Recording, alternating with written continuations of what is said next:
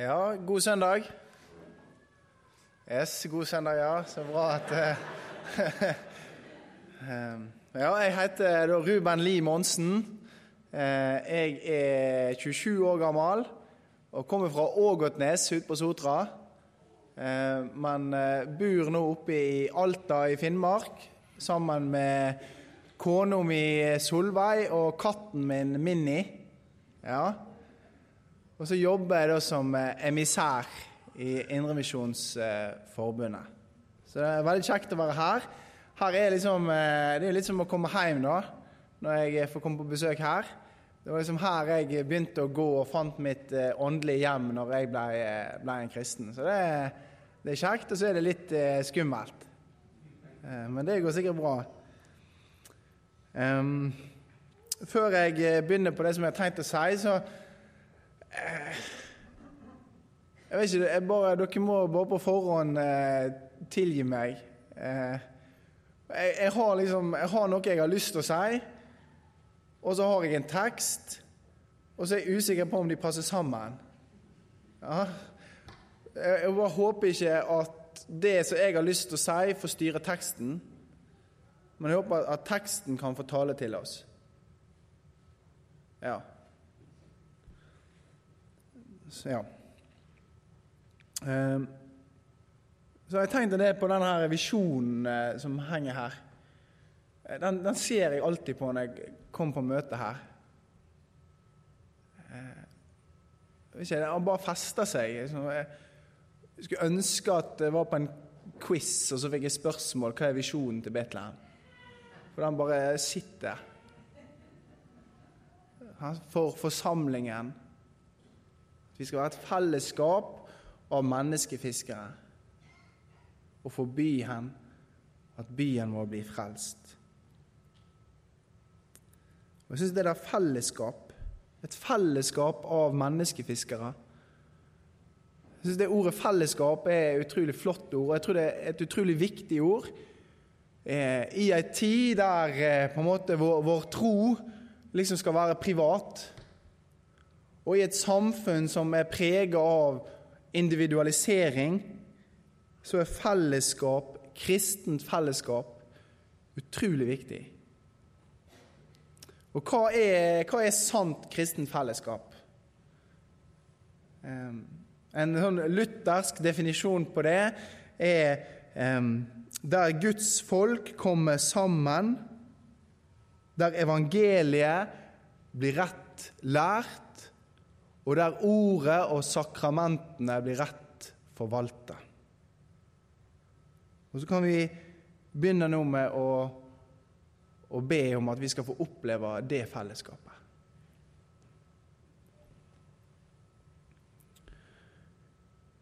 Kjære himmelske Far, eh, jeg har lyst til å takke deg for eh, muligheten til å komme sammen sånn på, eh, på denne måten. Til å samles om ditt ord til å samles i din sønns navn.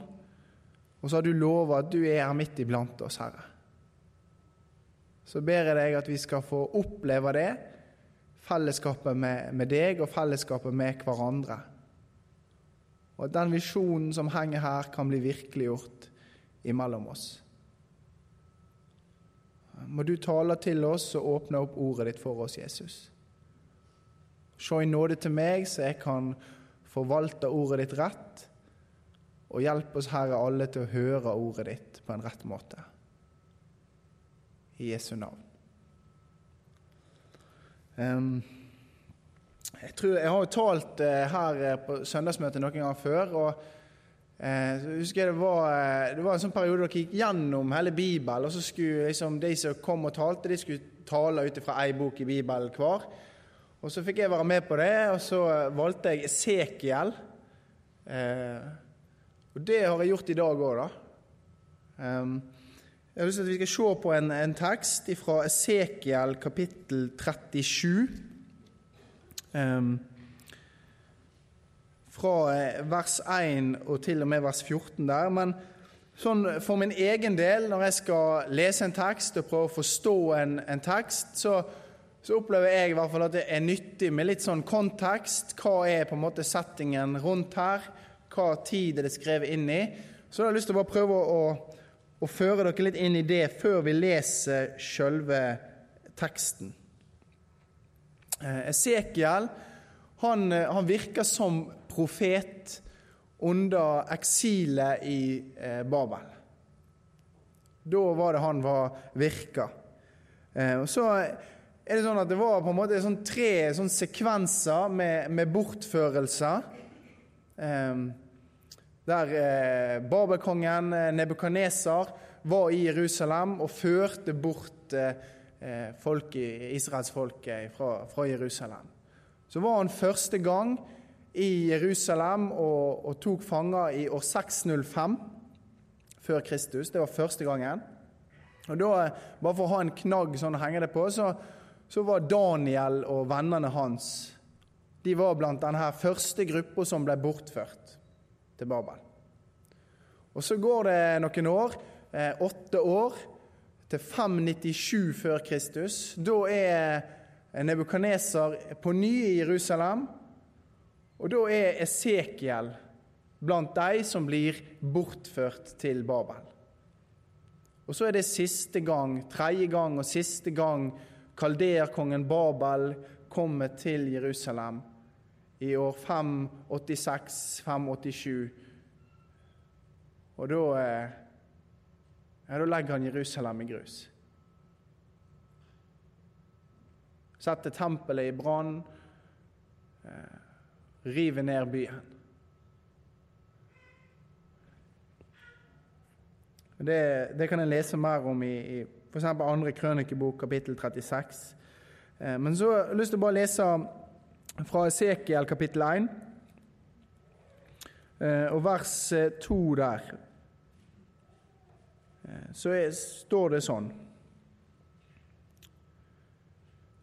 På den femte dagen i måneden, det var i det femte året etter at kong Jojakin var blitt bortført. Eh, det er samme året som Esekiel sjøl ble bortført, 597. Så det femte året etter at Esekiel sjøl ble bortført, så står det i vers 3 kom Herrens ord til presten Esekiel. Han fikk kallet til å være profet fem år ut i eksilet. Etter fem år i fangenskap så kom Herrens ord til han. Da ble han kalla til å være profet. Og Så leser vi òg bare sekel 33 og vers 21. Eh, det er jo for øvrig samme teksten som jeg talte over sist jeg talte fra Esekiel her. Men det husker jo ikke dere. Eh, men der står det sånn i Esekiel 33 og vers 21. Det var i det tolvte året etter at vi ble bortført. På den femte dagen i den tiende måneden. Da kom en flyktning fra Jerusalem til meg og sa:" Byen er tatt. Byen er tatt. Da var Jerusalem inntatt og lagt i grus. Så Det kapitlet som vi skal lese nå, det plasserer seg kronologisk etter Jerusalem er inntatt, etter at tempelet er satt i brann og Jerusalem er en ruinhaug. Så kan vi lese da fra Sekiel kapittel 37 og fra vers 1 i Jesu navn.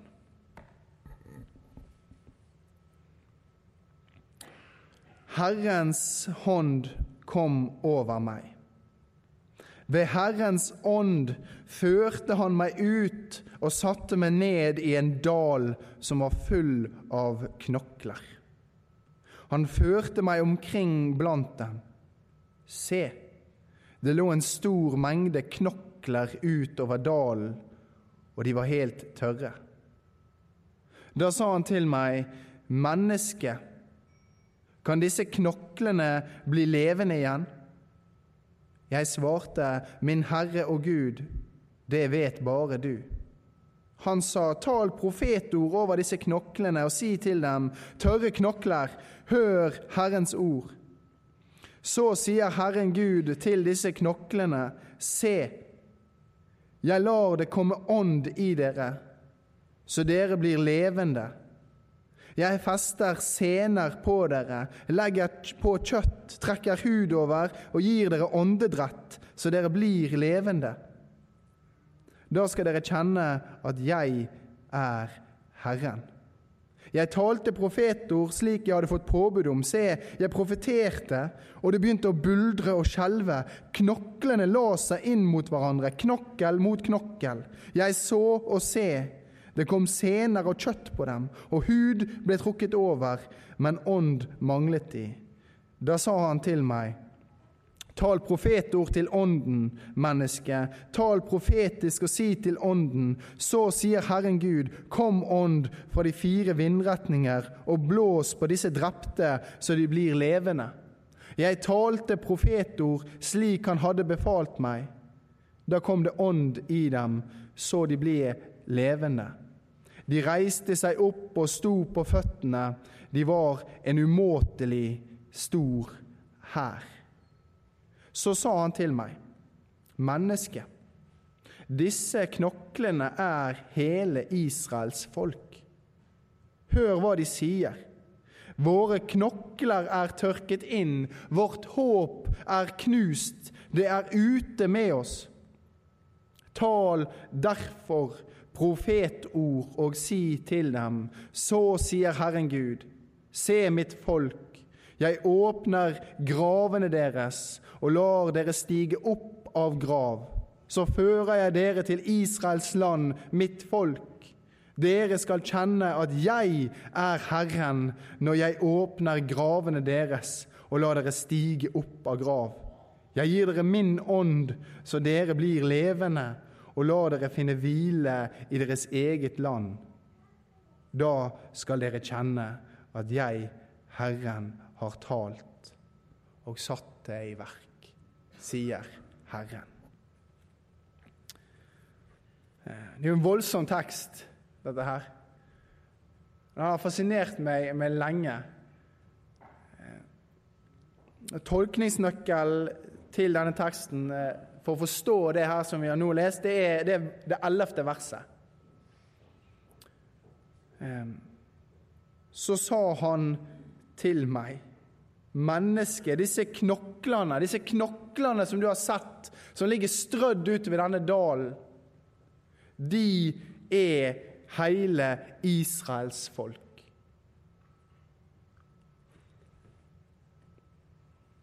Hør hva de sier. Våre knokler er tørket inn, vårt håp er knust. Det er ute med oss. Så lenge Jerusalem sto, så var det en sånn håp iblant de som var bortført, at vi skal få vende tilbake igjen. Byen vår står, det er håp. Dette her er et kortvarig eksil. Men så kom beskjeden der vi leste i Esekiel 33, 21. Byen er tatt. Tempelet, Guds tempel, ble satt i brann. Unge og gamle ble slakta ned uten skånsel, og muren eh, ble lagt i grus. Byen hadde gitt dem et håp om å få vende tilbake igjen, for den sto. Men så blir Jerusalem lagt i grus, og da sier de vårt håp er knust. Det er ute med oss. Så får en på en måte avslørt hvor hadde de plassert sitt håp? Jo, det var plassert til, til en by, ikke til Gud. Til det synlige, ikke til den usynlige.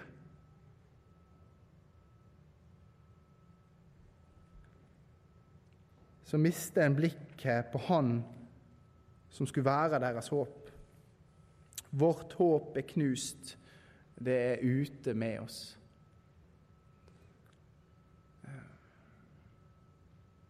Tenker det der har eh, overføringsverdi til oss.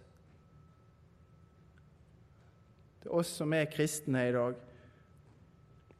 Vi kan se oss rundt på, på samfunnet som vi lever i. Så kan det se bekmørkt ut. Aborttall som er Forferdelig lesning. Og jeg kan se det ekkoet fra, fra slangen når han lokker Adam og Eva. Har Gud virkelig sagt? Hvordan det sniker seg inn i kristne leirer. Bibeltroskapen, bibelkunnskapen. Liksom på hell. Liberaliseringen som sniker seg inn. Kirkevalget, eksempel. Til å bli matt av. Skanse etter skanse faller. Men er det sånn? Er vårt håp knust? Er det ute med oss?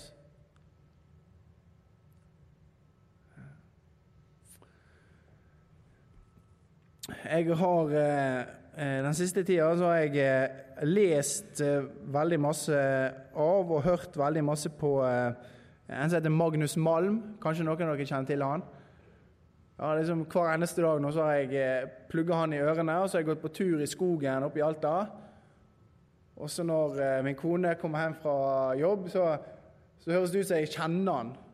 Jeg snakker liksom, meg og Magnus gikk på tur i skogen, og så forteller jeg hva, hva hva han har lært meg, da. Eh, men, eh, men han, han, fortalte en, eh, en historie så, Eller han fortalte en historie. Han fortalte om, om amerikanerne som var involvert i, i krigen i Irak. Og så har han sett en sånn statistikk på at, at, flere av disse amerikanerne som var involvert i krigen der i Irak, flere hadde, hadde dødd som følge av selvmord etter de kom hjem, enn i sjølve krigen. Hva kunne liksom grunnen til det være? Eh, det er jo lett å tenke at de har, de har opplevd masse fælt i krigssonen. De har sett masse grusomheter. Og så når de da kom hjem, eh, så har dette blitt så tungt å bære at, at de har bare avslutta livet. Og så var det en undersøkelse som ble gjort. Eh, og Der kom det fram at, at, eh, at, grunnen til at de avslutta sitt liv når de kom hjem igjen, det var at i Irak så opplevde de et, et fellesskap. Et fellesskap som var så sterkt. Et samhold som sto så sterkt jeg måtte være villig til å dø for hverandre. Jeg skulle ut i krigen. Jeg måtte være villig til å legge ned sitt liv for sidemannen. Hvis ikke, så funker det ikke. En var avhengig av hverandre. Og så hadde de et klart oppdrag. De hadde et siktemål. De levde på en måte for noe som var større enn seg sjøl. Og så kommer de hjem igjen til, til statene. Eh, til et, eh, et, samfunn som er preget av individualisme. Fellesskapet var vekke. Og oppdraget som de fikk, var å holde kjeft og konsumere.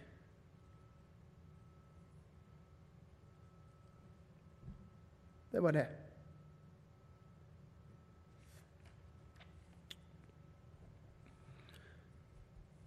Jeg syns det er talende inn i eh, en kristen setting òg. Det sier noe om hvor sårt vi trenger hverandre. Vi trenger hverandre. Vi er avhengig av hverandre.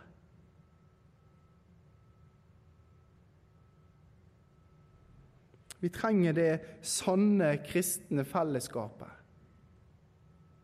Der vi kommer sammen og får høre Guds ord, sånn at vi får justert vårt blikk vekk ifra omstendighetene som ja, kan se mørke ut, og over til Han som er vårt håp.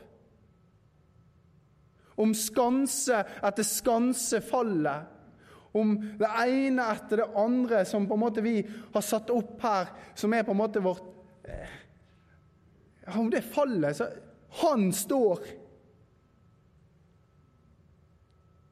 Og vi trenger hverandre for å se det, for å leve med blikket festa på Han.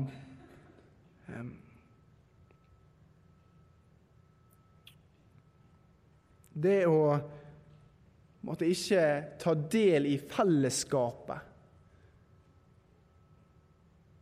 Jeg tror det er et skritt i retning av åndelig selvmord.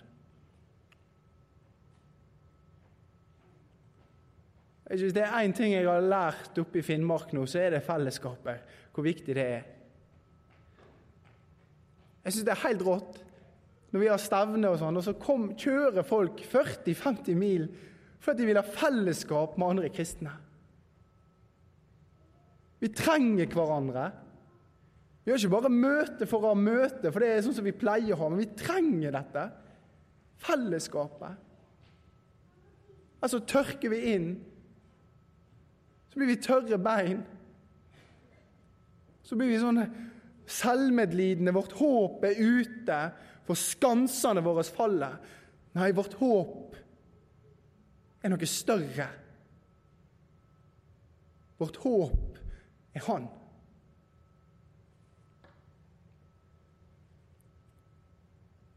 Så har Han gitt oss et oppdrag.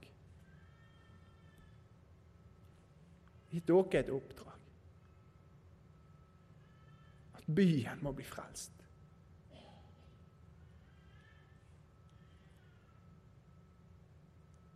Denne teksten som vi nå har lest fra Esekiel 37, jeg synes den gir oss et vanvittig vitnesbyrd om Guds ord. Om kraften i Guds ord, som kan gjøre sjøl døde knokler levende. Det som ingenting er. Det som er dødt. Der kan det skape liv. Og Det må vi holde fast til, uansett om det ser aldri så mørkt ut.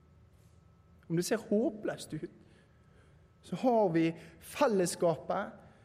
Vi har Guds ord som er levende og virkekraftig og skarpere enn noe tveegget sverd, og som kan gjøre en dal med tørre knokler levende. De reiste seg opp og sto på føttene.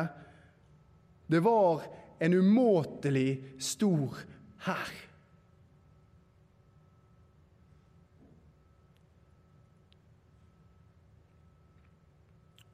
Når vi tar dette ordet til oss. Stole på det, så får ikke omstendighetene råderett.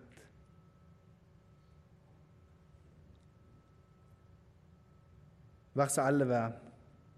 Våre knokler er tørket inn, vårt håp er knust. Det er ute med oss. Vers 12. Tal derfor.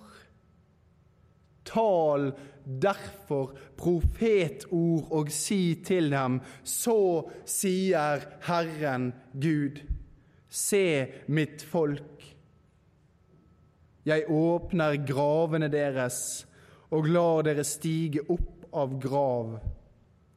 Så fører jeg dere til Israels land. Om byen er lagt i grus, så hindrer ikke det Gud i å sette i verk det som Han har tenkt. Tal derfor. Så ble det Jeg hadde sterkt for meg når jeg satt og jobba med dette i går. Vårt håp er knust. Han ble knust på Golgata kors. Og Så står det i Isaiah 53 og det behaget Herren å knuse han. Og så har han reist han opp igjen. Han reiste han opp igjen til seier. Til seier over døden, over synden, over djevelen. Han har vunnet. Vårt håp lever. Vårt håp Han har seira.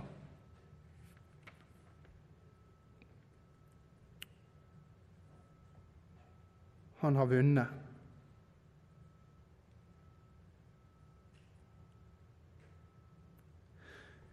Jeg syns denne teksten her er, jeg synes det er en mektig tekst.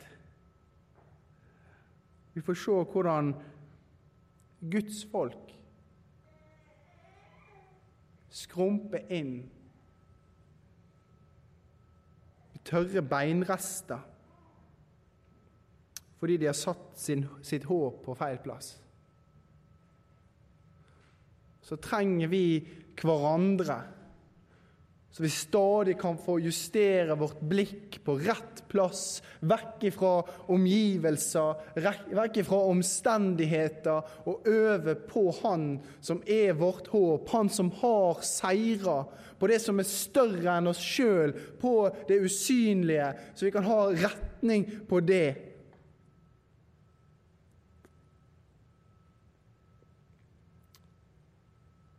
Her så kommer Esekiel inn, og så forkynner han det sanne håpet om en Gud som er mektig, sjøl om eh, omstendighetene skulle deg imot. Så finnes det en Gud som er mektig til å åpne graver og til å føre sitt folk hjem. Og så avsluttes kapitlet med at Esekiel forkynner Kristus. Vers 24.: Min tjener David skal være konge over dem, og de skal alle ha én gjeter. Den gode hyrde av Davids ett, Jesus Kristus. Vårt håp er ikke knust, vårt håp lever. Helt sånn til slutt så bare lyst til å dele et sånn lite sånn vitnesbyrd fra Finnmark. Fra eh, forsamlingen vår i, i, Alta så har vi, vi opplevd, eh, opplevd en del motgang eh, siste tida. Der eh, ja, mennesket har svikta. Eh, og vi kan eh, Og vi er lei oss for det. Det, det er lov. Eh, vi sørger over det.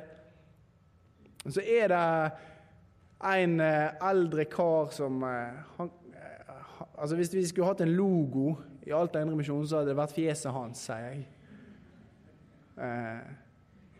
og det, Jeg syns det er så fint. Hver eneste gang vi er sammen, så ber han den samme bønna. Uansett hva hva omstendigheter, uansett hva vi står i, uansett hva vi har opplevd av motgang eller medgang, eller hva, så ber han den samme bønna. Så jeg har lyst til å bare avslutte med det, eh, så skal jeg gå og sette meg. Jeg syns det er, det er Alltid så sier han det. Takk, Gud, for at du sitter på tronen ennu og kommer dine i hu. Amen.